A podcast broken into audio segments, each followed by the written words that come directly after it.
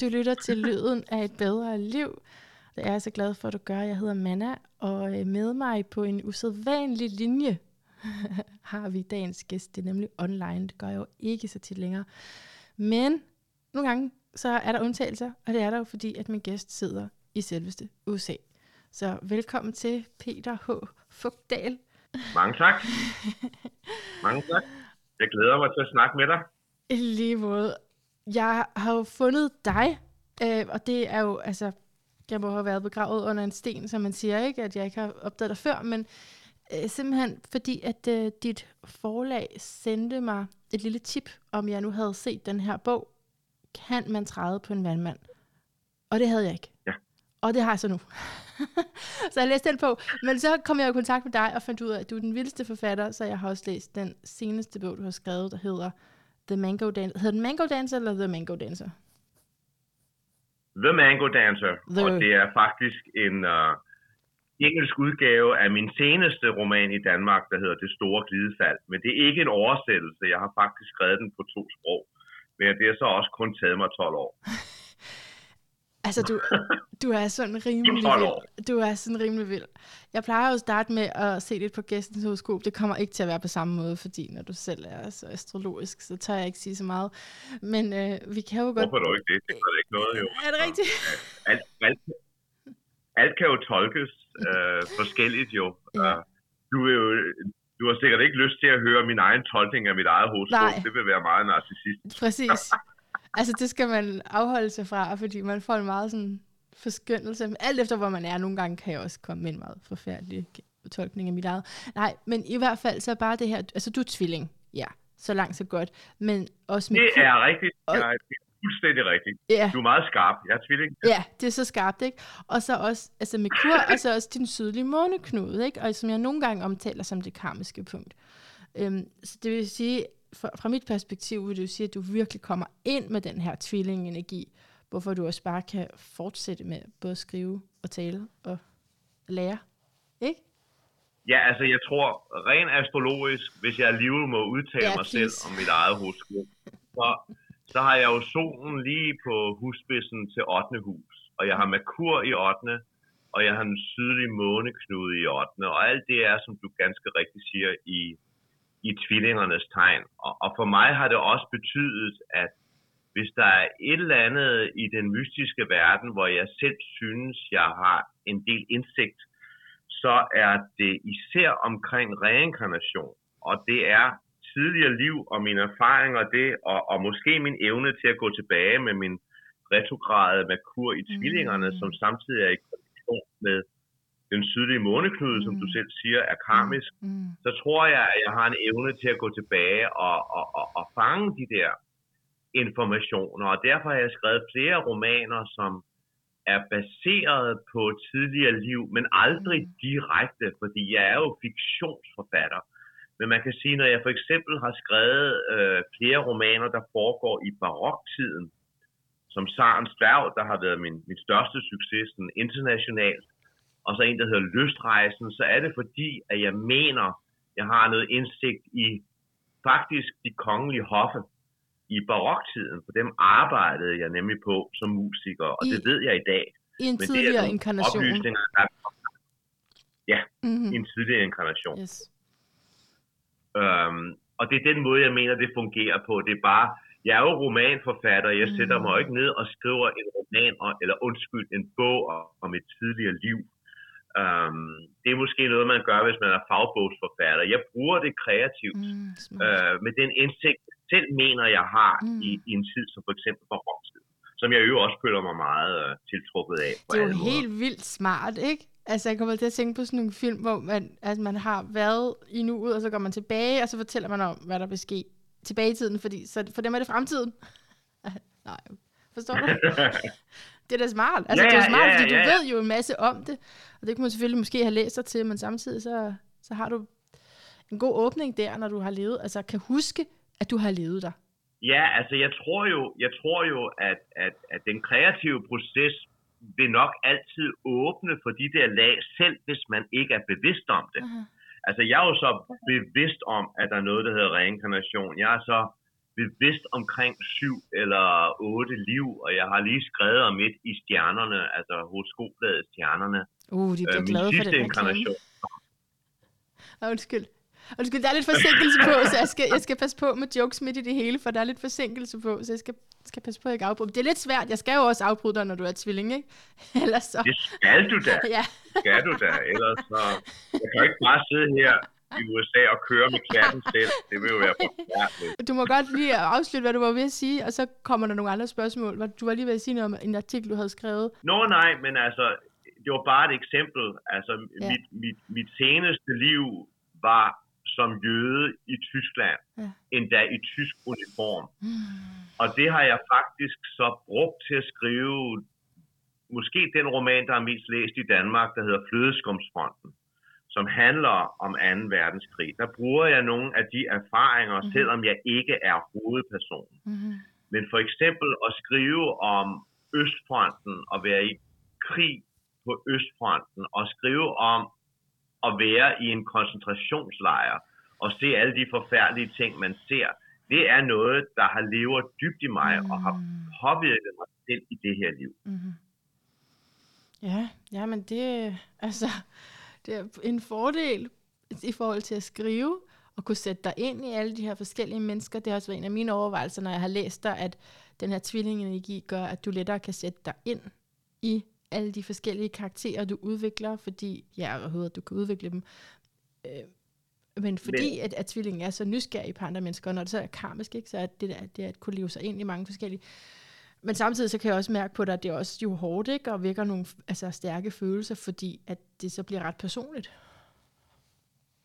Jo, men det er jo det personlige, der gør det godt. Ja. Altså, og, og, og som, som sagt, for eksempel, alle forfattere, der skriver historiske romaner, om de tror på reinkarnation eller ej, Mm. så tror jeg, at de får fat på noget, der er mere personligt, Mm. end de selv er. Ja. Og så vil jeg jo lige sige, at måske er jeg lidt uenig med dig i din astrologiske tolkning, fordi jeg er jo en exceptionel, emotionel og følelsesbetonet tvilling. Mm. Og der er ingen, der skal påstå, at tvillingetegnet er særlig emotionelt eller no. følelsesbetonet. Nej, nej. Så jeg vil sige, meget af de evner, jeg tror, jeg har, er netop fordi, at jeg har så meget skorpion. Ja. At jeg har månen, altså følsomheden og, og det der, den der evne til at fange ting. Jeg har skorpionmåne på min skorpion-ascendant. Mm. Og det tror jeg faktisk har endnu mere at gøre med at være forfatter end egentlig tvillingetegnet. Faktisk læste jeg engang, det kan jeg huske for helt, ja, jeg har selv været astrolog engang, Mm. og en gang læste jeg til mit store chok, det er omkring 30 år siden, at man havde lavet undersøgelser på forfatter, og noget af det meste, der gik igen hos forfattere, det var, at de havde månen på ascendanten. Okay, ja, nej, Netop den havde jeg ikke den. Nej, og det havde jeg heller ikke gennemskuddet dengang, og jeg kan heller ikke sige, at det er rigtigt. Men jeg tror, der er noget om det, for jeg har meget ofte gået ind og set, at netop forfattere, eller dem, der har den følsomhed og kan opfange Ja. Øh, øh, øh, tingene, altså har et stærkt sanseapparat på godt og ondt, og man kan Ja. især sige også på ondt, Mm. når det er skorpionens tegn, Jo, og det jo, giver jo jo. en enorm overfølsomhed, jeg Ja. kender fra mig selv. Altså, så, så tror jeg, det er mindst lige så vigtigt som alt det, du siger omkring øh, tvillingerne. Jo, men det med tvillinger var jo så også kun i forhold til altså, at skrive, kunne leve sig ind i... Ja, Nej, selvfølgelig leve sig ind i, det er også vand, ikke? Men, øh, men at have nysgerrighed nok til at stille nok spørgsmål til forskellige karakterer, og så kunne improvisere der ud af. Jeg kunne forestille mig, at man også bare nogle gange er nødt til bare at skrive, ikke? Og så ret til bagefter. Så der er mange sådan Ja. gode tvillinge egenskaber, når man er forfatter. Men, øhm, men ja, du, jeg tror da helt klart, at dybderne ja. Og også din spirituelle interesse og spirituelle praksis, og det du, de temaer, du skriver om i den, jeg lige har læst, The Mango Dancer. Men skal vi lige starte med at tale lidt om den her, den genudgivelse, din bog, kan man træde på en vandmand. Og øh, det er, vil du sige, en Det er- astrologibog for begyndere? Ja, altså det er den eneste fagbog, jeg har skrevet i mit liv. Jeg har skrevet 14-15 romaner, men Kan man træde på en vandmand var faktisk den første. Den kom i 1990, og, øh, og den, altså jeg kan lige sige ganske kort, det startede med, at jeg lavede nogle temaudsendelser på P3 i 1988, som blev enormt stor succes. Uh, jeg illustrerede alle stjernetegnene med, med musik, og øh, var meget fræk og, og prøvede så samtidig at liste øh, det ind, som folk stadig ikke fatter omkring astrologien. Det er, at en stjernetegn jo dybest set kun siger noget om, hvad der gør en lykkelig. Ja, Det siger ikke en masse... Øh, det er nuancer. totalt misforstået at tro, at en stjernetegn beskriver ens personlighed. Ja, ja, ja. Og man kan ikke, få, man kan ikke gøre noget, folk tror, at, at når man er det stjernetegn, så passer hele ens personlighed mm. på Mm, en. Og det irriterede mig i, i over 30 år. Så det var egentlig grunden til, at jeg skrev bogen, hvor jeg selvfølgelig gør opmærksom på, hvad tegnene står for, Ja. men også hvad den dybere sandhed er. Mm. Men jo, det er en... Øh, det, du har helt ret, det er en, jeg anser det som en begynderbog, men en begynderbog, som trænede astrologer faktisk har været meget, meget, meget, meget glad for og har læst. Ja. Og fordi den var så stor en succes i 1990, jamen så der kom der et forlag sidste år og sagde, at vi vil gerne genudgive den. For den solgte jo altså over 30.000, det er meget i Danmark, ikke? Og øh, så, om, så brugte jeg en måned på at omskrive den, fordi når man er en kritisk forfatter, så synes man ikke, så synes man selvfølgelig, at der er ting, man ikke har gjort godt nok Jo. for 30 år siden. Så den er omskrevet og er meget bedre i dag, synes jeg. Og en lille bitte smule mere alvorlig, samtidig med at den selvfølgelig stadig er, er fræk og humoristisk og prøver at undervise folk i astrologi på en måde, der forhåbentlig er underholdende. Ja, så du kan se det simple der ved tvillingenergien også, ikke? Egenskaben til at gøre noget sådan simpelt, så man kan forstå, let forstå det. Og så din humor. Det går jo virkelig igen i, dit, altså, i, ja, i de to bøger, jeg har læst af dig, ikke?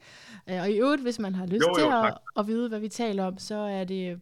Jeg har læst begge to på nettet, altså sådan, det er netudgaver, ikke? E-bøger hedder det. Øhm, så, så der kan man i hvert fald finde også. Ja. Øh, men så jeg har i hvert fald sådan to spørgsmål lige til den her, kan man træde på en vandmand, og så kan vi gå videre til den anden, som fylder lidt mere, tænker jeg, i vores samtale, fordi der er sådan forskellige øh, emner, vi kunne gå ind i. Men øhm, altså, jo, så jeg har bare lyst til at spørge, jeg ved godt, du er blevet spurgt rigtig mange gange om det, og jeg har også spurgt dig i forsamtalen om det her, men øh, det her citat, du har, som er dit eget, ikke? Formentlig. Eller når du, jeg ved ikke, du får meget inspiration hele tiden. Men det, kan du huske det der, jeg spurgte dig om i forsamtalen? Nu bliver jeg nervøs for at, citere det forkert. Øh, hvis jeg, okay, jeg husker, nu prøver jeg at huske det, ikke? Hvad hjælper det, at man har set lyset, når man ikke kan betale sin elregning? Ja, hvad Er det nytter rigtigt? det at have set lyset, hvis man ikke kan betale sin elregning? Sådan der, ja. Og det skal stå på min gravsten. Jeg har lige skrevet et Er testamente. det skal stå der. Så hvis I om 30 år går på en kirkegård og ser det stå der, så er det altså mig, der ligger der. Og det er dig selv, Og det vil der sige, det er jo selvfølgelig ikke mig, Nej, fordi vi er spirituelle mennesker. Det Ja, fremgår ja, det er bare lige lidt aske, ja. Men, men, så det er dig selv, der har fundet på det her citat, er det korrekt? Ja, ja, ja. Selvfølgelig. Okay, nå, okay, men jeg kunne ikke huske, om det, om du, nå, men det var det der, vi snakkede om i forsamtalen med, at der, hvorfor det var, at der ikke stod, hvem der havde, øh, hvor, det kom fra, det citat. Det er meget sjovt, for det spurgte jeg forlaget om, og så siger de, når det er dig selv, der har sagt det, skal det ikke stå der. Det var sådan. Hvis okay. det var en anden, der havde skrevet det, skal det stå der. Og det er jo selvfølgelig logisk. okay, men man blev bare lige i tvivl. Hold nu op. Jamen, jeg synes, det er så godt, fordi at det, altså man, jeg har lyst til at spørge dig, er det noget, du kender til, eller var det bare noget, du i din øh, tvillingemorskab fandt på? Fordi for mig rammer det jo helt vildt dybt ind i, at jeg har følt, jeg har haft, altså jeg har på en måde set i hvert fald noget lys, og haft lyst til at dele det ud, men så har jeg ikke været et sted, hvor jeg overhovedet har haft et hjem. Jeg har ikke haft mulighed for særlig meget øh, i forhold til de store ambitioner, der var i mit hjerte. Men for mig, det er det bestemt 100%. Men for mig har det altså jo mere at gøre med egentlig, at øh, vi skal have jordforbindelsen, når vi beskæftiger os med det. Og det største problem i New Age-verden og den spirituelle verden er, at vi flyver væk, vi bliver verdensfjerne, og øh, det er jo så det, hvis vi nu skal tolke så meget på en lille vidighed, så er det det med, at hvad nytter det at se lyset, hvis vi ikke er på jorden, mm. hvis vi ikke ordner det, vi skal have, Mm. mm. som for eksempel at betale sin elregning. Så nu går jeg så ind og tolker en, en vidighed. Ikke? Ja. Uh, så, så jeg har jo så faktisk også i to af mine romaner, uh, min første, der hed Letmælksprofeten, der netop drejer sig om en guru, som mister jordforbindelsen og bliver Ah. sindssyg. Ah. Og så den, vi skal snakke om, der lige kommer på engelsk, som på dansk hedder det store glidefald. Mm. Der er også noget at gøre med, når vi som søgende mennesker søger sandheden. Så er det altså vigtigt, at vi beholder begge benene på jorden. Og jeg har jo været i såkaldte spirituelle cirkler, mm. og i New Age-cirkler i over 30 år, og ser, hvor mange mennesker, som, som, som, som simpelthen jo tror, de nærmest er små Jesus Kristusser, som selv synes, de er meget højt udviklede, hvorimod alle de andre ikke er. Alle de der faldgrupper, der ligger, når man får fat på nogle sandheder, hvor man så selv begynder at, at, at, at tro, at man lever i, i, i en eller anden speciel verden, hvor man er noget specielt, og begynder at se ned på de mennesker, der ikke har samme livssyn. Og derved begynder man jo så simpelthen at efterabe det, alle religioner har gjort.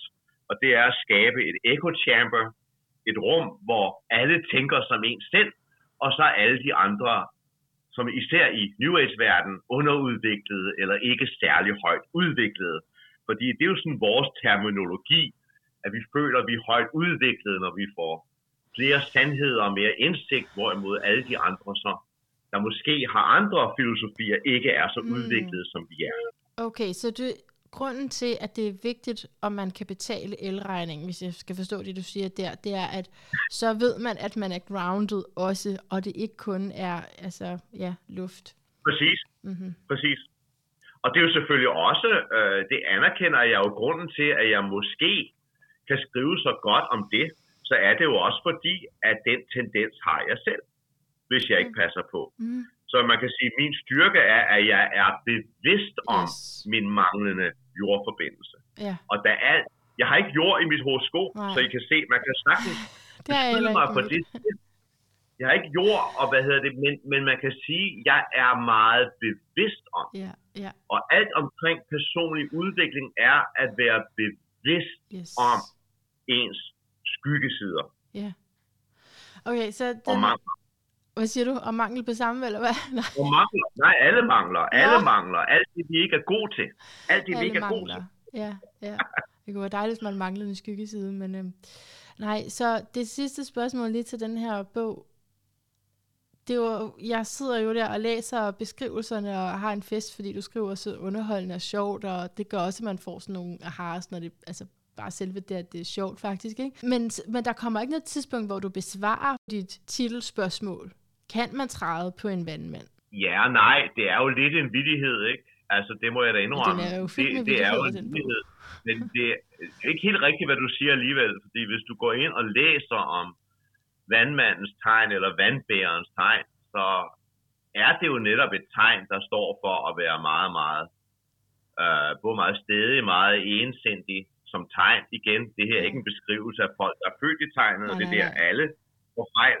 Men altså, at tegnet står jo for, at, at, at, at øh, man har ret, at man altid ved bedre, og at man i øvrigt er rebel nok til, at ingen, og her taler vi om tegnet, ja. at ingen skal træde på en, fordi man er en ener, ikke? Så her kommer den der lille bitte alvor ind omkring den ja. fjode Ja, men jeg er helt enig. Og det er også det, min associationsrække gik hen på, at det sikkert var derfor. Og så måske også, at det er vandmanden eller vandbæren, at det er også der, man tillægger astrologien. Så tænkte jeg, om det også var derfor. Jeg, jeg kan godt se, at jeg tolker ret meget på dine vidtigheder. men det tror jeg også godt, man kan, fordi selvom at det er sådan meget ordspil, så synes jeg også, at der er en dybsindighed i det, som giver mig lyst til at gå ned i og tænke, hvad er det, han mener? jo, men det har jeg da ikke. Altså, det er jeg da enig i, der er. Altså, øh, altså, jeg håber og tror, at styrken ved ved Kan man træde på en vandmand, er jo netop, at jeg prøver at formidle nogle meget vigtige ting på en lidt pjattet måde. Ja, ja. Og så derved er det meget ofte gennem humor, at man når for man ikke vil nå. Ja. Mm-hmm. Og det er også derfor, jeg ved, at i bogen jo i begge versioner, både den gamle i 1990 og så mm. den i dag, når mange mennesker, som jo netop synes, at hele den verden er så selvhøjtidlig. Og det har de jo også ret i.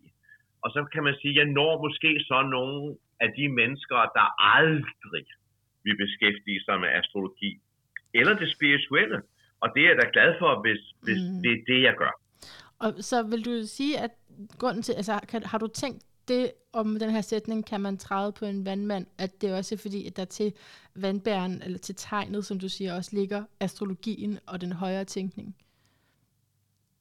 Ja, men altså, øh, jeg er jo heller ikke blind for, at jeg synes, det er et meget godt ordspil. Ja, ikke? Altså, ja. det er jo det er jo på begge planer.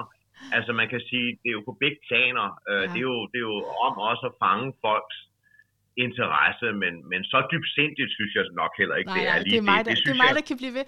Og, men, og, den, og den anden del er jo det her med, at man siger vandmand på dansk, ikke? Og hvor jeg har lært det at sige vandbærer, fordi så er det ligesom noget andet, men så kan folk Ja. tro, oh, er, jeg en, altså, er jeg en vandmand? Eller sådan.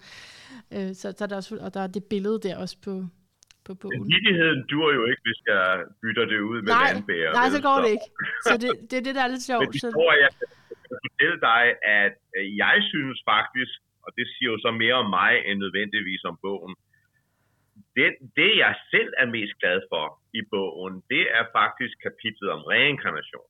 Ja. Fordi et eller andet sted er det jo, er det jo, er det, er det nok der, min interesse yes. er størst. Ja, godt. Og du skal også huske, Ja, det var bare sådan nogle noter, som jeg havde lyst til lige at spørge dig om. Men, men ja, det har jeg godt læst. Altså det kapitlet om reinkarnation, er det ikke korrekt, at det er en, ligesom en lærer-elev-situation der? Altså det, det er en underviser, foredrag, ja, et foredrag, ja. rigtigt. Og så bliver der så stillet spørgsmål, og det er en rigtig god måde at gøre det på, også fordi at vi måske ikke lige har 100% svar på de her ting, vel? Så, Jamen det er også, fordi jeg har holdt så mange foredrag om Mm. det, og så har jeg bare sådan prøvet at tænke mig til en situation, og mange af spørgsmålene har jeg aldrig fået, og nogle af dem har jeg fået. Ja. Men det er jo en god måde at formidle det på, synes jeg også, ja, Ja. forhåbentlig. Mm, okay, jamen altså, vi skal over og snakke om The Mango Dancer. Men altså, jeg er ikke sikker på, at vi behøver at efterlade emnet om reinkarnation. Det bliver jeg sikker på, at min lytter også meget gerne vil høre mere om. Det er op til dig. Ja, altså, jeg sidder lige og tænker, hvor det kommer ind i denne her bog henne. Reinkarnation. I hvilken bog? I The Mango Dancer. Det er overhovedet ikke et tema i Nej den. vel? Altså, Øhm, nej, okay. Jeg synes jo lige, jeg synes jo lige at man skal, man skal sige til, til lytterne, at det der altså er tale om, det er, at jeg har skrevet en spirituel Ja. udviklingsroman, Mm. der først kom på dansk i 2017, der hedder Det Store Glidefald. Mm. Men det, der er mærkeligt ved den bog, det er, at jeg havde faktisk først skrevet den på engelsk, brugt intet mindre end fem år på at skrive den på engelsk, og så sad jeg lidt fast og kunne ikke rigtig, vidste ikke rigtigt, hvad jeg skulle gøre, så fik jeg idéen, nu skriver jeg den sgu på dansk. Så den kom på dansk fire og et halvt år før den kom på engelsk, men Mhm. den er skrevet på engelsk først. Og det, der så sker, er, at jeg så jo opdager, ved at gøre det på den måde, så opdager jeg nogle styrker og svaghed i min amerikanske bog. Og så omskriver jeg den efter den danske. Så den, der hedder The Mango Dancer, er lidt, men ikke helt den samme roman som Det Store Glidefald fra 2017. Right. Og det handler om en mand, der besøger en forretningsmand, en narcissistisk forretningsmand, der besøger en indisk ashram i Indien for at stille nogle vigtige spørgsmål til sin guru. Og det er så også baseret på noget, jeg har prøvet, bortset fra at hovedpersonen ikke er mig. Folk vil altid gerne have, at når man skriver i jeg-form, så tror de altid, at det er hovedpersonen, og han er også dansk-amerikaner, og det er jeg også. Ja. Men emotionelt og arbejdsmæssigt er overhovedet ikke Nej, ham. nej, men apropos jeg har det her med at-. Ja, apropos det her med at kunne leve sig ind i, ikke? Og have mange forskellige karakterer inde i sig, og så, og så lege med det. Ja, men Det er så, jo det, romanforfatteren kan. Ja, og sådan, som sådan en god tvillingenergi også kan. Ikke? Altså, og det der med, du, altså, det, ja, sådan ser jeg det. Men du, øh, du siger, ja, at det handler om en forretningsmand, som besøger sin guru i Indien, men det er så fordi, at han øh, har mødt ham i en drøm, ikke? Han har mødt ham i en drøm, og han er, som det sker for alle mennesker i verden, ikke? for det er dybest set en spirituel udviklingsroman. Mm. Der er ingen af os, som begynder virkelig at, øh, at interessere os for det guddommelige, hvis vi ikke har haft en stor krise. Man kan sige, Mm.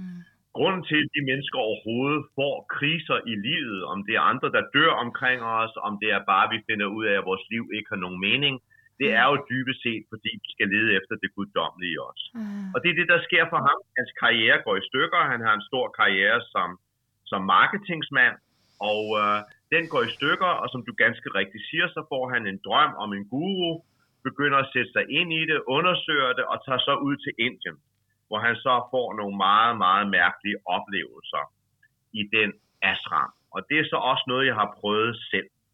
Øhm, I 90'erne var jeg mange gange i Indien og har, Okay. har, har, har besøgt to guruer.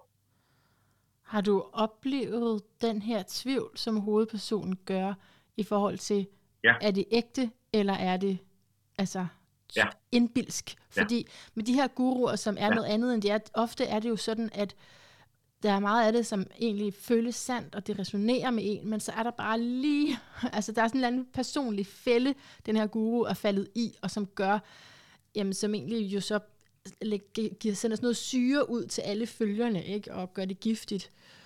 Men der var stadigvæk ja. noget, der var en del af sandhed i det, og det var det, der kunne, kunne tage det ret langt. Og så, det, så tror jeg måske resten af, hvor langt det kom, var i forhold til, at altså, vi er flokdyr, og der er den slags sociale mekanismer, som kan føre det ud over kanten. Jamen, jeg er helt så, enig. ja, har du, det, det, undskyld, det var et spørgsmål, om du havde prøvet det. Ja, Mm, helt tvivl. 100 procent. Mm. Ja, ja, jamen altså, øh, jeg var en rebel i den ashram, fordi alle omkring mig var exceptionelt tilbedende og tårer i øjnene, og jeg var selvfølgelig taget derned, fordi jeg troede på guruen. Og den guru var så Sai Baba. Det er han ikke nødvendigvis i bogen. Sai Baba var meget stor i Danmark og England og Nordeuropa øh, i 80'erne og 90'erne. Øh, jeg var meget kritisk over for det, men jeg troede jo nok på ham til at komme tilbage igen og igen. Men hvad jeg så oplever, fordi jeg er der flere gange, det er, at der er et eller andet galt. Der er et eller andet, der ikke er, som det skal være. Og det er det, der gav mig ideen til romanen, fordi det, som du siger, er fuldstændig rigtigt, og, og, og det forhold, folk har til guruer, synes jeg ofte er meget problematisk, fordi enten tror de på det hele, og begynder så at opføre sig, som alle andre religioner har gjort, hvor man tilbeder og gør alt det, man skal, og man følger hver eneste ord, for så, så at ende i det der echo chamber, hvor alle er, som jeg også omtalte før, hvor alle er enige om, Ja. hvad sandheden er. Ja, ja. Og det, der så skete for eksempel med den guru, jeg fulgte, var, at da han begyndte at blive kritiseret på nettet for at have seksuelt udnyttet high school students i hans skoler, så begyndte det hele at falde fra hinanden. Og det, jeg synes, der var så interessant, var, at det var en guru, der på det tidspunkt, hvor jeg mener, han var god nok, altså hvor jeg mener, at han stod for alle de sandheder, han snakkede om, og også havde nogle metafysiske evner, man aldrig ville kunne bevise øh, videnskabeligt, men han var, havde totalt klaverjant indsigt, han var i stand til at manifestere ting, altså nærmest som en, en, en kosmisk tryllekunstner, og, og det var ikke snyd i begyndelsen, men han tabte evnerne, mener jeg, som mange gør, når de begynder at køre egoet af. Og, og ja, der var mange, der var rasende over de der beskyldninger om seksuel misbrug. Jeg mener, de var fuldstændig rigtige. Og jeg mener, at vi mennesker har meget svært ved, og her kan du så sige, at min tvilling kommer ind, som du elsker at sige. Jeg mener, at vi mennesker har meget svært ved nuancer, og det irriterer mig. Mm. Han var begge dele for helvede. Han Ja. var en guru Yes. med kolossal Han hjalp millioner Ja. af mennesker. Det er fuldstændig ubestrideligt. Mm. Men det er også ubestrideligt, mener jeg, at han faldt. Det er ubestrideligt, at han misbrugte studenter. Jeg var en af dem, der fornemmede med det samme, at det her er desværre rigtigt også. Mm-hmm. Og det er det, der sker med mange guruer. Så det er også derfor, at jeg ikke... Guruen i min bog er ikke den guru, jeg nævnte, fordi så vil det pludselig være et angreb på en guru. Og min bog er meget mere. Min bog er forhåbentlig et opgør med at blive fanatisk. Yes. Jeg oplever det store glidefald og The Mango Dancer som en roman om os her at bevare jordforbindelsen. Ikke lægge alt ud til en guru, hvor vi så selv bliver små magelam, der bare kun tilbyder en mand. Og det mest afslørende, der skete for mig, og så skal jeg nok holde min kæft, så du kan stille et spørgsmål. Men det mest afslørende var, at denne guru til sidst sagde, at man kun måtte følge ham og ikke andre guruer, Ja. Og så tabte jeg alt fra ham. Mm. For det var, en for, det var en forsvarsmekanisme mod hele verden, der begyndte at opdage, at han ikke var den, han troede.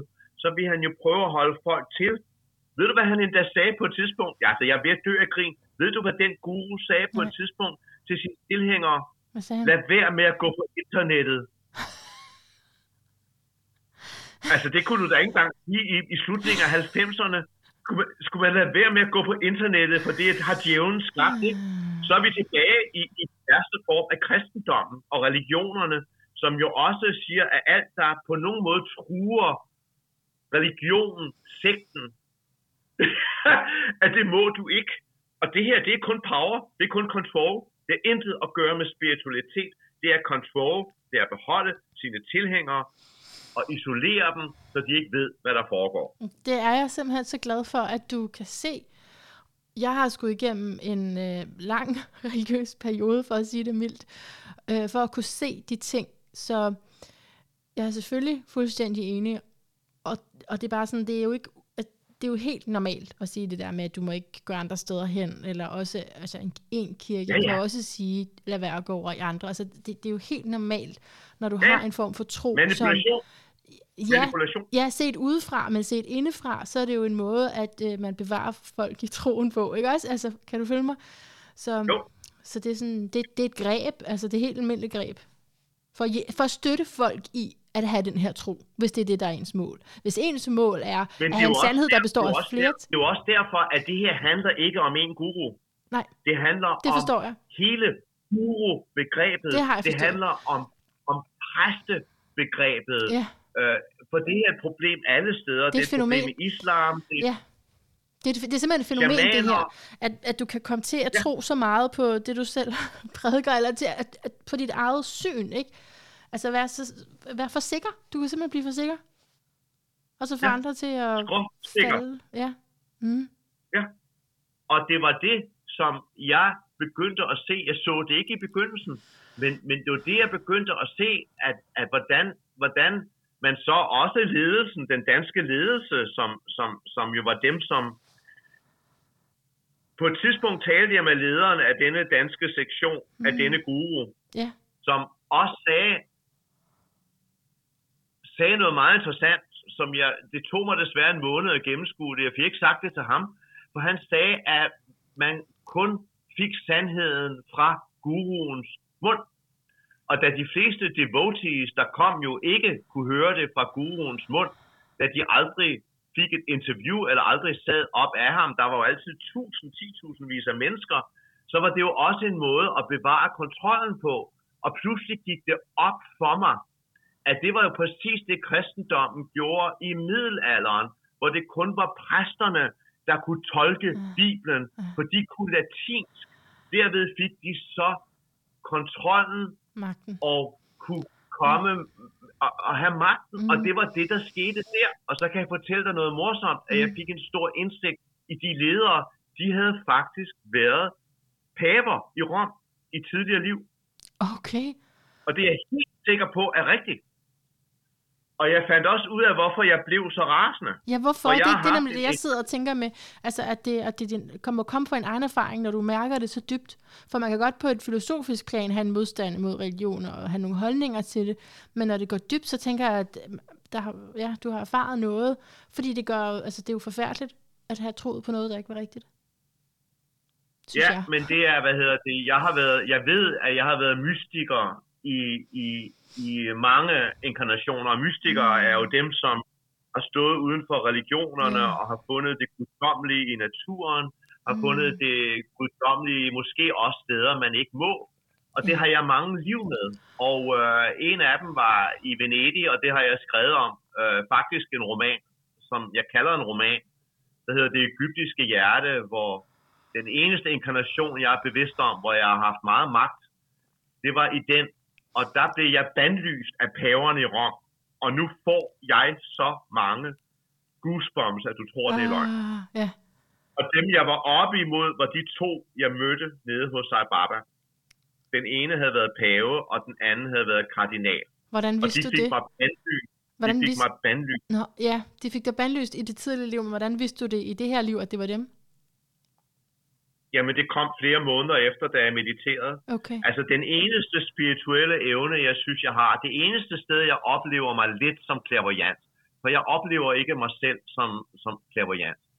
Men, men det er omkring tidligere liv, og Ja. jeg tror jo selvfølgelig, jeg har fået den indsigt, fordi at jeg skal formidle Det det. tror jeg også. Og det er også derfor, jeg holder faktisk meget mere af at, at formidle reinkarnation end Ja. astrologi. Ja, ja, ja. ja. Altså, og jeg kommer til at skrive bøger, mere direkte bøger om det. Indtil nu har jeg kun godt. brugt det i romaner. Og jeg har brugt det i den roman, der hedder Det egyptiske hjerte, som faktisk er en af mine mindst læste danske romaner, men Nå. min egen favorit. Min egen favorit. Nå, men der er i hvert fald lidt råd givet videre her. Vil du lige gentage det, det hed Det egyptiske hjerte? Det egyptiske hjerte, Ja. ja. den kom i 2015, og. Sådan. det er tre historier, der vikler sig ind i hinanden. Og det er den mest personlige roman, jeg har skrevet, og det vil ingen tro, når de læser den. Huh. Det er fordi, at alle tre personer i den spejler noget, der er sket for mig i det her liv, Right. og tidligere. Okay, ja, men reinkarnation, ja. Men jeg vil glæde mig til at uh, læse mere for din hånd om det emne. Jeg synes også, det, altså, det er jo så spændende, fordi at det kan forklare nogle ting i nuet. Det er der, det bliver relevant, ikke? Altså, når det har Jo, indflydelse det på er jo derfor, det ja. er relevant. Ja. Og jeg har, altså det er også derfor, at jeg ved med sikkerhed, jeg tror ikke, jeg kommer til at skrive så mange romaner mere, fordi i fremtiden drejer det sig om at formidle mere af de her ting okay. i, i en forhåbentlig underholdende fagbogs Mm. memoir. Jeg kommer til at skrive nogle lidt memoiragtige ting omkring tidligere liv, fordi jeg har så indsigt i omkring otte liv. Og jeg har alle de ting, der er sket for mig i det her liv, der har været store, både traumatisk store, og man kan også sige positive ting, de har alle sammen øh, rødder tilbage i tidligere liv, og det er det, jeg gerne vil formidle. ja. Øhm, og jeg gør det også i foredrag en gang imellem. Nu er jeg jo ikke særlig meget i Danmark, men altså, når, når jeg hjemme, holder jeg ofte foredrag om den slags også. Og vi har en aftale om, at når du kommer til Danmark igen og har tid, så skal du komme fysisk her i løbet af et bedre liv, ikke? Ja, og det bliver nok i tidlig, i, i, det bliver i første del af maj, hvor jeg har nogle foredrag. Sådan, sådan. Øh, det er godt. Jamen, øh, jeg har et par emner for din bog, som jeg tænker, vi kunne ind i, fordi noget, der jeg synes går igen i romanen som tema, det er, at de ligesom taler om egoet. At der er en forståelse af, at egoet får mig til noget andet, end det jeg altså, gerne vil. Hvordan ser du på altså, opdelingen mellem ja, ego og sjæl, eller øh, ja, jeg ved ikke, om der er andre kontraster til. Hvordan forstår du egoet? Måske skal jeg starte der. Jeg forstår egoet som vores personlighed. Jeg Ah. forstår egoet som, som den del i os, som altid tænker på, hvad gør det her for mig? Ah. Altså, hvis jeg er venlig over for dig, hvad får jeg ud af det? Mm. Um, det er jo den mest raffinerede af dem, fordi nogle gange, når vi synes, vi laver charities, og vi gør alt for andre, så er det, man må spørge sig selv, havde vi ikke nogen forventninger om, så at det også giver os noget? Altså, så egoet er dybest set personligheden, kan man sige, som vi jo alle sammen har. Og det er jo forkert at sige, at egoet er, er, er en dårlig ting, for det er jo egoet, der gør, at vi overlever, skal Ja. vi lige huske. Ja. Så egoet er jo ikke kun dårligt, men i det vi går ind på den spirituelle vej, så begynder, det, så begynder vi jo at opdage, at det aldrig, aldrig, aldrig, aldrig er egoet, som gør os lykkelige. Det er noget dybere. Det er sjælen. Og astrologisk set er sjælen jo solen. Og det er jo også derfor, at jeg bliver så irriteret, når alle tror, at ens stjernetegn er ens personlighed kun, for det er og bliver noget brøv Mm. det er netop det, at solen jo i, i et hvert af jeres horoskop, der hører det her, har en information, som er exceptionelt vigtig, og det er, hvad gør dig lykkelig? Yes. Så siden du bliver ved med at nævne tvillingerne og mig, så lad mig lige tillade at bruge mig selv Ja, som et det. eksempel. Yes. Alle jer derude, som er tvillinger, og det vil jo statistisk set være en 12. del af jer, der lytter. Alle, der ved, jeg ved én ting om jer, men jeg ved kun én ting for helvede, kun én ting. Ja. Det er, at for at I skal blive lykkelige mennesker, har I brug for at kommunikere. Yes. Det betyder ikke, jeg gentager, det betyder ikke, I er gode til det. I kan være elendige til at kommunikere, men I har brug for det for at være lykkelige, om det så er at have en dagbog, om det er at være journalist, om det er at have finde variation, Mm. og, og hvad hedder det, være meget om sig, og have mange kontakter. Mm. Formidling, snakke med andre er livsvigtigt Mm. på et eller andet plan. Men Ja. det siger ikke, man gør det. Der er ingen, der er ingen statistikker i verden, der siger, at folk nødvendigvis Nej. er større sludre og af at være tvillinger. Eller bedre forfattere. Det er noget vrøvl. Der er ingen, der bliver en bedre forfatter, øh, kommunikator, marketingsmand ved at være tvilling. Men du siger, Men det der ligger... er noget i det, der gør, at Ja. Det er, et det er noget, de har brug for. det er noget, de har brug De har for brug at gøre. for at være glade. Ja, ja. Brug for. Og, og, Behov. og vi finder Behov. jo tit os selv der, hvor at vi bliver glade, ikke? Eller altså, det, som at det er derfor, der måske er nogen, der har særlige egenskaber der, fordi så øver man sig der. Det er der, man trives. Ja, Hvis jeg gør sådan Det er der, her, man så trives. trives jeg. Ja. Mm. Ja. Som jeg plejer at Ja. sige nu, fordi nu har jeg jo jeg har endnu mere skorpion i mit eget horoskop, end jeg har tvilling. Og, og jeg havde nemlig en meget sjov lille ting, jeg synes, der, der illustrerer det her ganske godt, fordi da jeg, da jeg begyndte at interessere mig for astrologi som 30-årig, var jeg i en meget seriøs periode. Så jeg, jeg, identific- og jeg identificerede mig meget mere med skorpionens tegn. Og jeg begyndte at sige, jeg kan ikke forstå, jeg, jeg ikke er skorpion. Mm. Og det griner jeg af i dag, fordi jeg har mange skorpiontræk. Ja.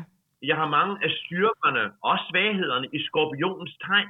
Men jeg er med ikke skorpion af den simple grund, at det, der giver mig livsglæde, er at kommunikere, at skrive, at holde ja. foredrag, Ja. at rejse.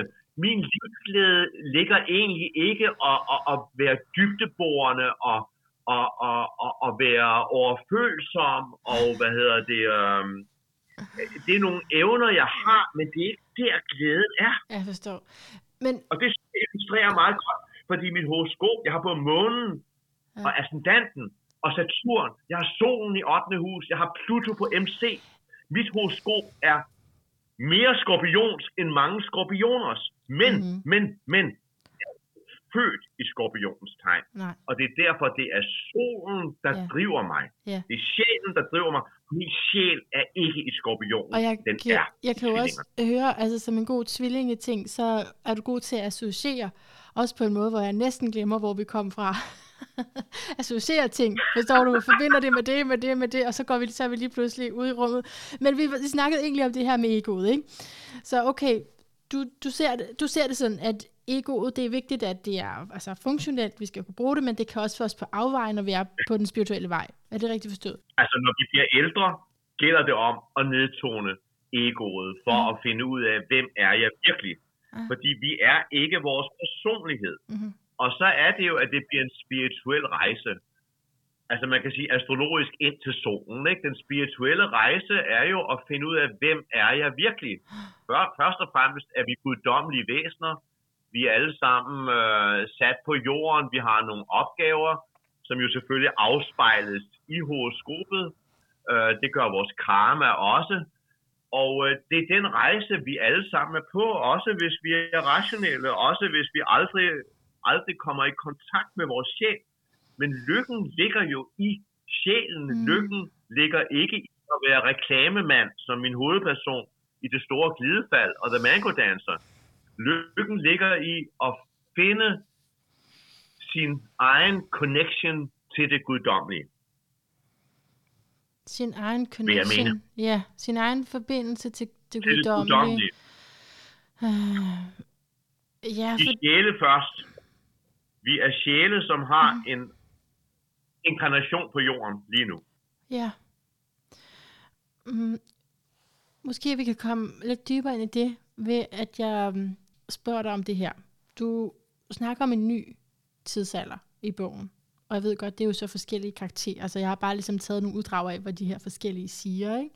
Så det er selvfølgelig en, kontekst. Ja. Men, men det er noget, jeg er nysgerrig på, hvad du selv mener om, altså en ny tidsalder, og et nyt også bevidsthedsniveau, at, altså at simpelthen vi stiger ja. Til et højt bevidsthedsniveau. Hvad, hvad tænker du om det i virkeligheden? Jo, men jeg tænker jo egentlig, det alle andre gør, det er, at vi nu er gået ind i en ny tid. jeg tror ikke, det er så enkelt, at vi er gået ind i vandmandens tidsalder, fordi det er en periode, der overgangen, siger man, var 200 år, så det er, det er nok den periode, vi lige er begyndt på. Vi er måske lidt mellem fiskenes tidsalder, og, og vi er i hvert fald i de der 200 år, hvor, hvor, hvor, hvor der er store skift på jorden, ikke? og det mærker vi så i den her brydningstid.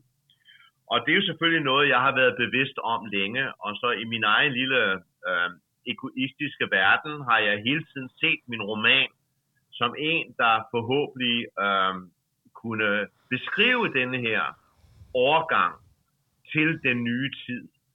Og det er også derfor, jeg mm. tror, at det har taget så længe, før den skulle komme ud, fordi ja. den skulle komme på det rigtige tidspunkt. Og det tror jeg er nu.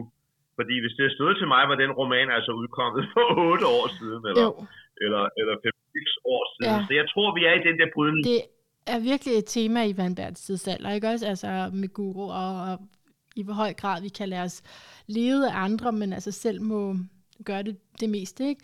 Nu sagde du, sagde du 200, jo. mener du 2000, eller er det bare noget, jeg ikke forstår? Nej, nej, men altså, nej, jeg mener, at overgangen okay, er de der mellem 200. tidsaldre. Okay. Nej, mm. tidsalderen er 2000 år, okay, det er rigtigt. No, okay. Men overgangen, ja. overgangen, ja. siger man, siger man, siger klogere mennesker end mig, ja, er på cirka 200 år. Okay. Det er jo ikke noget, man, man pludselig vågner op. Du ved, der er nogle mennesker, jeg ved ikke, om du ved det her, der er nogle mennesker, der siger, ja, øh, vandmandens tidsalder startede i 1968 med hippiebevægelsen. Jo, jo, jo. Altså, du ved, der er nogen, der og det er jo selvfølgelig noget brag. Ja. Altså, det, det er en glidende, det er ja, det er en det. glidende uh, tidsalder, ikke? Ja, det, det er faktisk ikke noget, man, Men man kan datusætte. Men man of Aquarius, dengang jeg var 11-12 år, ja, ikke? Altså, men apropos guru, apropos guru og uimodsigelige sandheder, ikke? så tror jeg også, man skal passe på, hvis der er nogen, der siger, det er den dag. det er der. Ja, lige netop, ikke? ja, ja det, det er generelt ikke rigtigt sådan, astrologi fungerer. Det er nogle gange meget, meget lange som processer, ikke? Okay, men, jo. men så, så det er også i anledning af, at vi er ved at gå ind i en ny bevidsthed, og det er derfor, vi ja. ser de ting ske, som gør i samfundet, og der er flere og flere, der bliver afsløret guruer og en ting, men også bare mennesker, som man måske kunne kalde ja. guruer også, men som man ser op til, ikke? Også, altså forbilleder, hvor at der er nogle ting, der bliver ja. afsløret, og man er nødt til at stærkt nuancere vores billede af dem. Øhm, så jeg ved ikke, kan du... Jeg sidder stadig lidt med det her, um, det her ego-spørgsmål, fordi der er jo også nogle af os, som måske... Altså også, du, du, var, du sagde lige lidt om det her med, hvis vi gør en masse charity, hvis vi gør nødhjælpsarbejde, frivilligt arbejde, og vi så ligesom føler, at vi er drevet af, af noget, en, nogle større idealer, men, men der er ofte også noget, der eller jeg tror faktisk altid, der er noget, der til gode ser vores ego ved de handlinger? Jo, men jeg tror, at altså, altså, vi skal jo også overleve, ikke? Altså, vi, og, og det er derfor, vi har egoet. Uden mm. egoet vil vi måske slet ikke overleve. Mm. Altså, der, der, altså, at anse egoet som bare at være noget møg, er selvfølgelig noget forbandet vrøvl. Uh, men, men, men, men i det, man bliver ældre, og i mm. det, man vælger at gå det, som nogen kalder den indre vej, som jeg og millioner andre gør, så er det jo noget om at være bevidst hele tiden om, hvad ens motiver er. Sådan, ja. Hele tiden. Mm. Og i det, man gør, det oplever man jo så, hvis man er ærlig, at mange af ens motiver, selv når man er sød, god og rar, er for at få noget igen. Jeg har et andet spørgsmål så. Øhm, og det er i forhold til, at der er en af, karaktererne, som snakker om, han har lyst til at ikke være sig selv længere at stoppe med at være sig selv. Og så tænker ja. jeg på, er det egoet så, der siger det? Det må det jo være, for det er jo ikke sjælen, der vil stoppe med at være sig selv. Jo, men jeg vil sige, det er måske sjælen, der, der siger, når vi bliver trætte af os selv, er det jo fordi, at vi ikke rigtig har fået identificeret os med dybderne i os selv, med den der guddommelige kontakt, vi har til, øh, kalde det universet, til Gud, til, til, til evigheden. Så jo, når vi bliver trætte af os selv, er det jo meget ofte, fordi vi bliver trætte af vores egoer. Fordi vi bliver trætte af de sider af vores personlighed, der, der ikke rigtig fungerer, eller øh, gør, at vi ikke har et godt liv. Øh, I, altså for mig har mit største problem været ambitioner. For andre vil det måske være grådighed, eller penge, eller vi har jo alle sammen nogle svagheder, der gør, at vi ikke bliver lykkelige. Altså, jeg har ødelagt store dele af mit liv ved at være for ambitiøs som forfatter, ved at være frustreret over, at jeg ikke nåede videre ud, end jeg gjorde, og det er så heldigvis holdt op med for nogle år siden, men det har været min svaghed, og alle, der sidder derude, har jo nogen, der gør, at de faktisk fucker deres liv op konstant, ikke? Måske også blandt andet ved, at vi kontrollerer sit liv for meget, ved at have nogle meget definerede regler omkring, hvad er det, jeg skal med mit liv. Og det er jo ofte nogle regler, øh, vi har arvet fra enten vores forældre eller samfundet, der siger, at sådan skal man gøre. Og man kan sige, at det spirituelle arbejde er jo netop at finde ud af, hvad er det, vores sjæl vil. Yeah. Det er ofte noget helt andet end personligheden. Mm-hmm. Ja, yeah, jeg forstår, og jeg, du kan tro, jeg kender den her. Jeg har lyst til at stoppe med at være mig. Jeg kender den så godt. Men jeg tænkte bare på, mm, nu hvor du nævner den i en karakter, i en historie, er det så, mm, det er ikke så, altså, det er ikke så godt at have det sådan. Altså, der er også noget destruktivt i det. Der er jo noget destruktivt ja. i det, men vi er jo også nødt til at acceptere den side for, at vi kan arbejde med det. Som Eckhart Tolle siger jo, øh, som Eckhart Tolle ganske rigtigt siger, i det vi konstant kritiserer os selv for alle de fejl, vi har, er det også egoet, der går ind og gør det. Ja, nemlig. Fordi sjælen ser det hele som udvikling. Yes. Det er ikke sjælen, som fordømmer os. Det er også vores ego. Ja. Fordi det egoet gerne vil, det er egentlig hele tiden at sige, du er den største taber i hele verdenshistorien. Det er lige så meget egoet, som siger, jeg er genial til alt, og de andre er idioter. Ja, ja. Så det er egoet, der konstant dømmer os andre og os selv. Ja. Sjælen gør det ikke. Sjælen suger til sig. Sjælen er her for at, at opleve nogle nye ting og, og, og, og vokse og vokse som, som mennesker og som sjæl. Ser du det som en nødvendig konflikt, en nødvendig indre struggle? Ja. Okay. Vi kan ikke leve uden den. Og i det, vi ikke har noget ego, jamen så er vi virkelig guru jo. Ja. altså, så er vi jo virkelig ankommet, men hvem er det? Ja. Altså, skal vi gætte på, hvor mange egoløse mennesker findes i verden? Skal vi gætte på, at der måske er 500? Jeg ved det ikke. Jeg aner det ikke. Måske Altså. 2000. De fleste er utvivlsomt ikke kendte. De er højst sandsynligt nogen, som, som, som, som, som simpelthen spreder glæde omkring sig, hvor de end er, på grund af deres lys. Jo, altså noget jeg selv tænker over i forhold til den lysten til at stoppe med at være mig selv. Altså, et, ja, som, som vi taler om det nu, så er det, kan det, er det både noget, der er destruktivt, men det er også nødvendigt, og det er også noget, der kan pege Ja. hen, hen imod den rigtige retning, og det man egentlig skal i sit liv. Jeg tænker sådan, om det egentlig er, fordi man, kan man begynder at kunne mærke, der er noget i mig, som jeg ikke vil være, og det er noget, jeg har lært. Det er en, har været en overlevelsesstrategi. Det er noget, jeg har fået at vide, jeg skulle gøre, og så kommer jeg til at identificere mig med, at det er mig. Altså kan du følge mig? Det er jo ikke, Ja. det er ikke hvem du virkelig er. Ja, præcis. Præcis. Og det er jo derfor, vi mennesker har brug for kriser. Som alle, som alle spirituelle mennesker med indsigt siger, vi kunne ikke leve uden kriserne. Vi lærer intet, når vi har succes. Næsten intet. Altså, den er rar for os. Vi har alle sammen brug for det. Vi lærer via kriserne. Ja. Vi, vi vokser eller får tilbuddet om at vokse. Når vores kæreste går fra os, når nogen dør, når vores arbejde ikke bliver det, vi troede, det er der, vi lærer mest. Og desværre er det derfor, vi er nødt til at have de kriser. Øhm, og selvfølgelig har vi også brug for de perioder, hvor vi er ovenpå, men vi skal bare ikke bilde os ind, det er der, vi lærer voldsomt meget. Mhm. Alright, vi skal til at runde af, men øhm, inden jeg vil spørge dig om, hvad din lyd af et bedre liv er, så vil jeg lige spørge lidt mere ind til det her reinkarnationsemne, for når jeg nu sidder med en, der ved så meget om det, så er det næsten for fristende. En, der tror, han ved så meget. Ja, ja. Jamen, det... Der er Ja. ingen, der er eksperter i hele verden. Der er ingen, der er eksperter. nej. Heller ikke mig. Nej, nej, nej. Men det er jo sådan et emne, som er- vi kan jo ikke... Altså, i sagens natur kan man ikke vide præcist noget, vel? Men øh, Nej, det det er indre oplevelser, der er Indre så stærke, at man Mm. selv ved noget. Men ja, Ja. ja. Så tror du, at man vælger sin familie? Altså, på et eller andet plan, når man siger det sådan, så synes jeg næsten, det lyder igen som om, at det er egoet, der får lov til at bestemme, hvordan det næste liv skal være.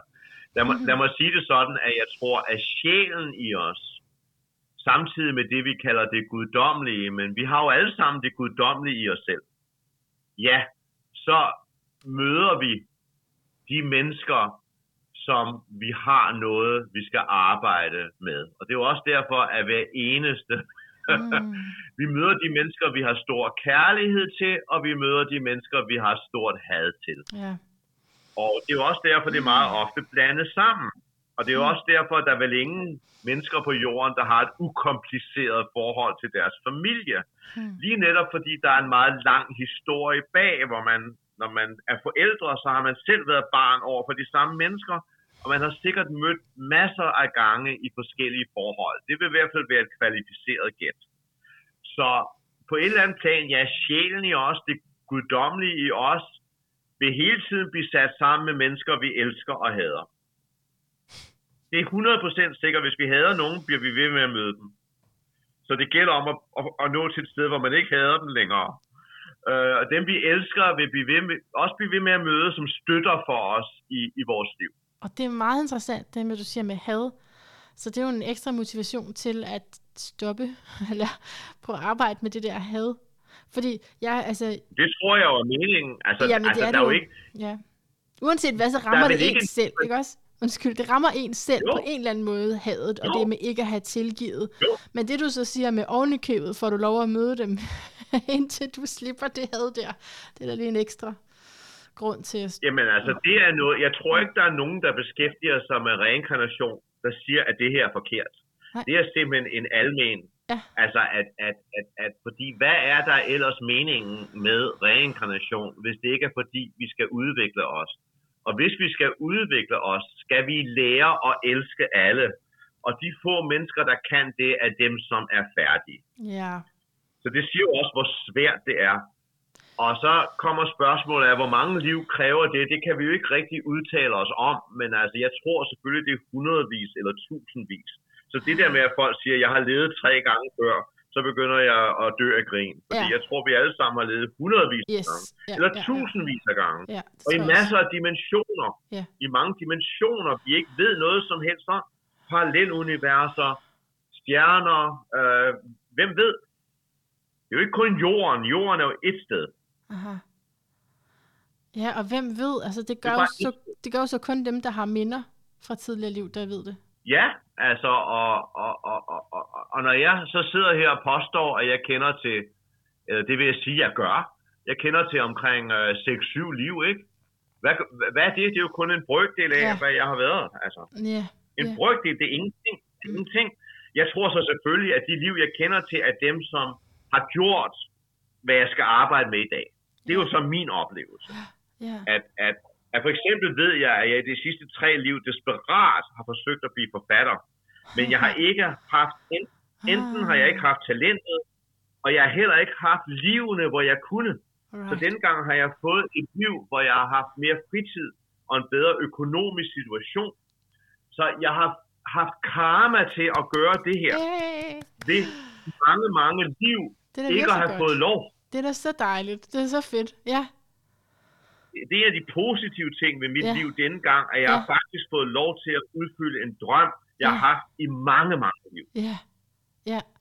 Nej, men vil du være sådan Og så er der andre ting jo, Ja, andre ting, der så har stoppet mig nogle ting, og det har også været karma for omkring Mm. ting, jeg har gjort mod andre. Ikke? Så har der været ting, der har været meget problematiske. Jeg har et kæmpe trauma for fire års alderen, som også er karmisk, som gav mig en enorm hård start på det her liv, som ellers har været et godt liv, men en meget, meget, meget hård start, og som har påvirket mig i mindst 50 år. Det er jeg så ved af med nu, og det gør så også, at livet er meget lettere for mig nu. Det er jo også karma. Det er jo også noget at gøre med, hvad jeg selv har gjort. Og hvad præcis det er, ved jeg ikke, men jeg ved, at de ting er ikke bare uheld eller omstændigheder.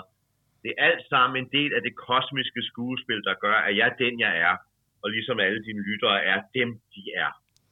Det er ikke bare noget med, at vi er heldige og uheldige. Heldige og uheldige er ord, som er dybt karmiske. Det er karma-ord, som vi beskriver ved held og uheld. Ja. ja, det skyldes simpelthen noget andet. Uh, mm, Ja. Altså, hvad gør det egentlig at have det her perspektiv for dig? Altså, gør det, at du lettere ikke sidder fast i det? Jeg siger det ikke som om... Altså, jeg har også det perspektiv, men, men jeg har ikke dyrket det overhovedet lige så meget, som du har. Øhm, og når du fortæller om, nogle tidlige traumer, så, og du ligesom siger, at det er fordi, jeg har gjort noget mod andre i et andet liv, er det så fordi, det hjælper dig til at øh, tage et ansvar, tage mere magt tilbage over dit liv?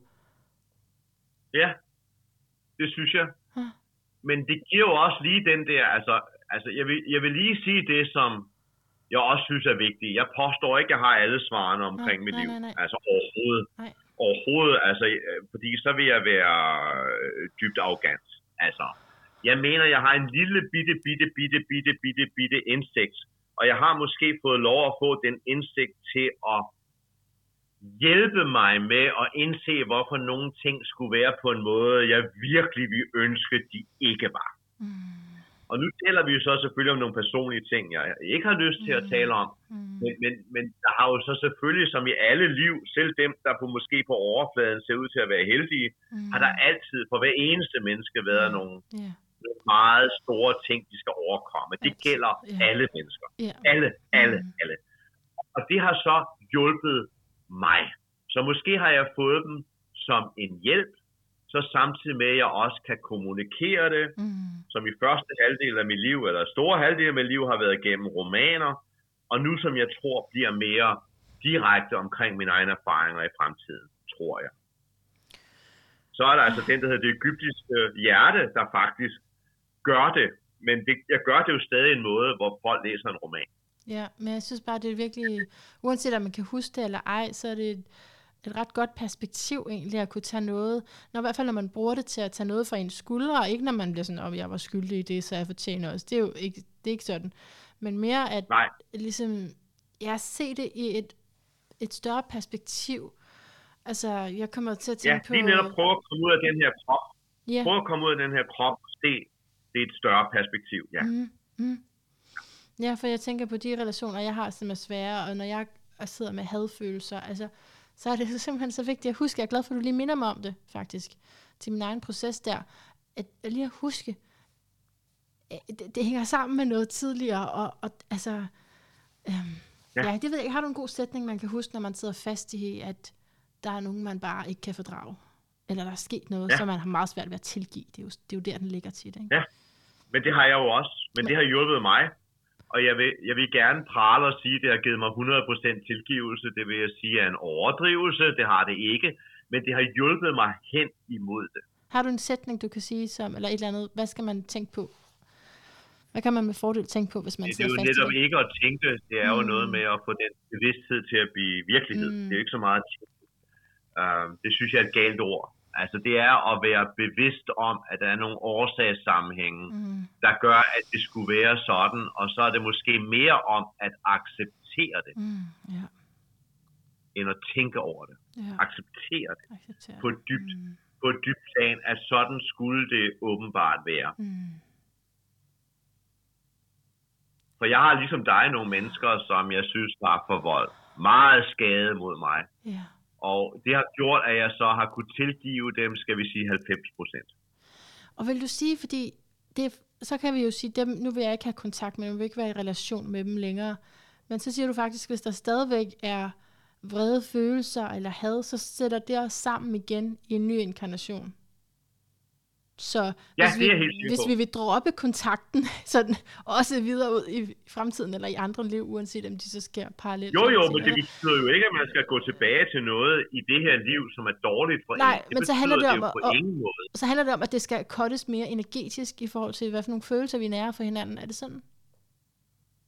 Ja, altså fordi det er jo ikke noget med, at man siger, åh gud, reinkarnation betyder, at jeg nu må gå tilbage og vikle trådene ud det kan man jo ikke gøre i et liv. Altså, så det er selvfølgelig ikke det, det, men, det, er ikke det, det betyder.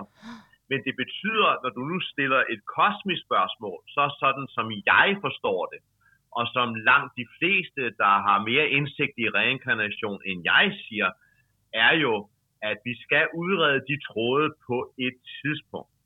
Ja, okay. Men der er fandme ingen, der siger, at du skal gøre det i den her krop, hvis du har hvis du ved, at den person er dårlig for dig, selvfølgelig ikke, mm. det siger sig selv. Man lider ja. den illusion, at man er i sin sidste inkarnation, hvilket jo næsten vil betyde for de fleste, at man er dybt idiot, ikke?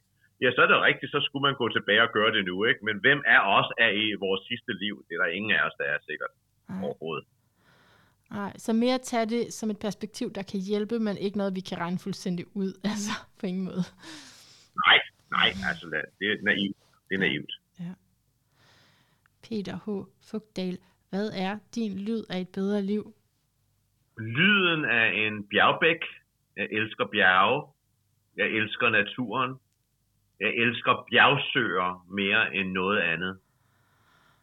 Det er Hey Jude med Beatles, som jeg blev forelsket i, da jeg var 12 år, og som jeg den dag i dag synes er den smukkeste salme, der nogensinde er skrevet. Og jeg mener i øvrigt og tror, at Paul McCartney var, var, var Johann Sebastian Bach i et tidligere liv. Okay. Let It Be er også så uendelig smukt, og i øvrigt er jeg en af de mennesker, der lige så godt kan lide musikken i dag. Så jeg er ikke en af de der oldtimers, der synes, at alt var bedre dengang. Men de to ting er for mig en lykkefølelse. Jeg begynder næsten at tude, når jeg bare taler om Hey Jude og Let It Be. For de salmer, og jeg har selv været barokmusiker, det er salmer. Det er ikke popmusik, det er, de vil leve om 800 år også. Meget fint. Um, jeg vil også sige, at um, lyden af italiensk for mig er fuldstændig guddommelig. Jeg har haft mange liv som italiener, og jeg bliver høj af italiensk, når jeg hører det. Og de gange, jeg kan tale det godt, det kunne jeg for 10-15 år siden, ikke i dag, så bliver jeg høj af at tale det. Mm. Som min kloge hustru engang sagde, italiensk er lydhealing for dig, Peter. Og det er rigtigt. Så lykken ligger i de ting, jeg nævnte der. En, en, en, en lyden af vand i smuk bjergnatur. Hey. Jude, Let It Be. Ja. Og lyden af italiensk. Og det mener jeg virkelig, det løfter mig i helt utrolig grad. Ja. Ej, så smukt. Tusind tak for de lyde og for dit gode indhold i den her samtale, og for dine rigtig mange gode bøger, som Jo, jeg ønsker alt det det. Jeg bedste. håber, at folk, jeg håber, at folk vil læse dem. De er jo, mm. Det gode ved det er, at de er jo alle sammen næsten der som e-bøger, selv Ja. hvis de ikke skulle være der som fysiske bøger mere. Og The Mango Dancer, hvis jeg må have lov at sige det, kan Endelig. let fås på, på, på Amazon over Mm. hele verden. Ja. Ja. Tusind tak. Tak fordi du ville lytte til mig. Ja. Og tak til alle jer, der gad lytte. Og så må du have god dag, for det er jo morgen eller formiddag hos dig, ikke? Og jeg skal til i seng. Det er morgen, jeg skal i bad. Det kan I heldigvis ikke lugte, men det skal jeg nu. Det er morgen, det er godt. Okay, tak for nu, Peter. Hej hej. Ja, selv tak. Hej hej. Hej hej. Og hjertet tak til dig, kære lytter, for at være med her igen i dag. Jeg håber, du fik rigtig meget med.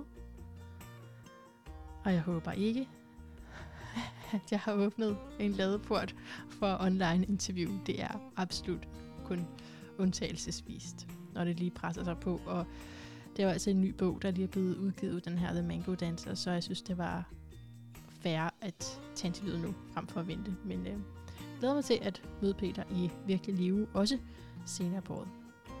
Så jeg har faktisk så meget mere andet end at sige, indtil vi høres ved igen. Gentænk alt. Måske især, hvad du har brug for, for at blive lykkelig. Og for at være og udfolde dig som den, du virkelig er.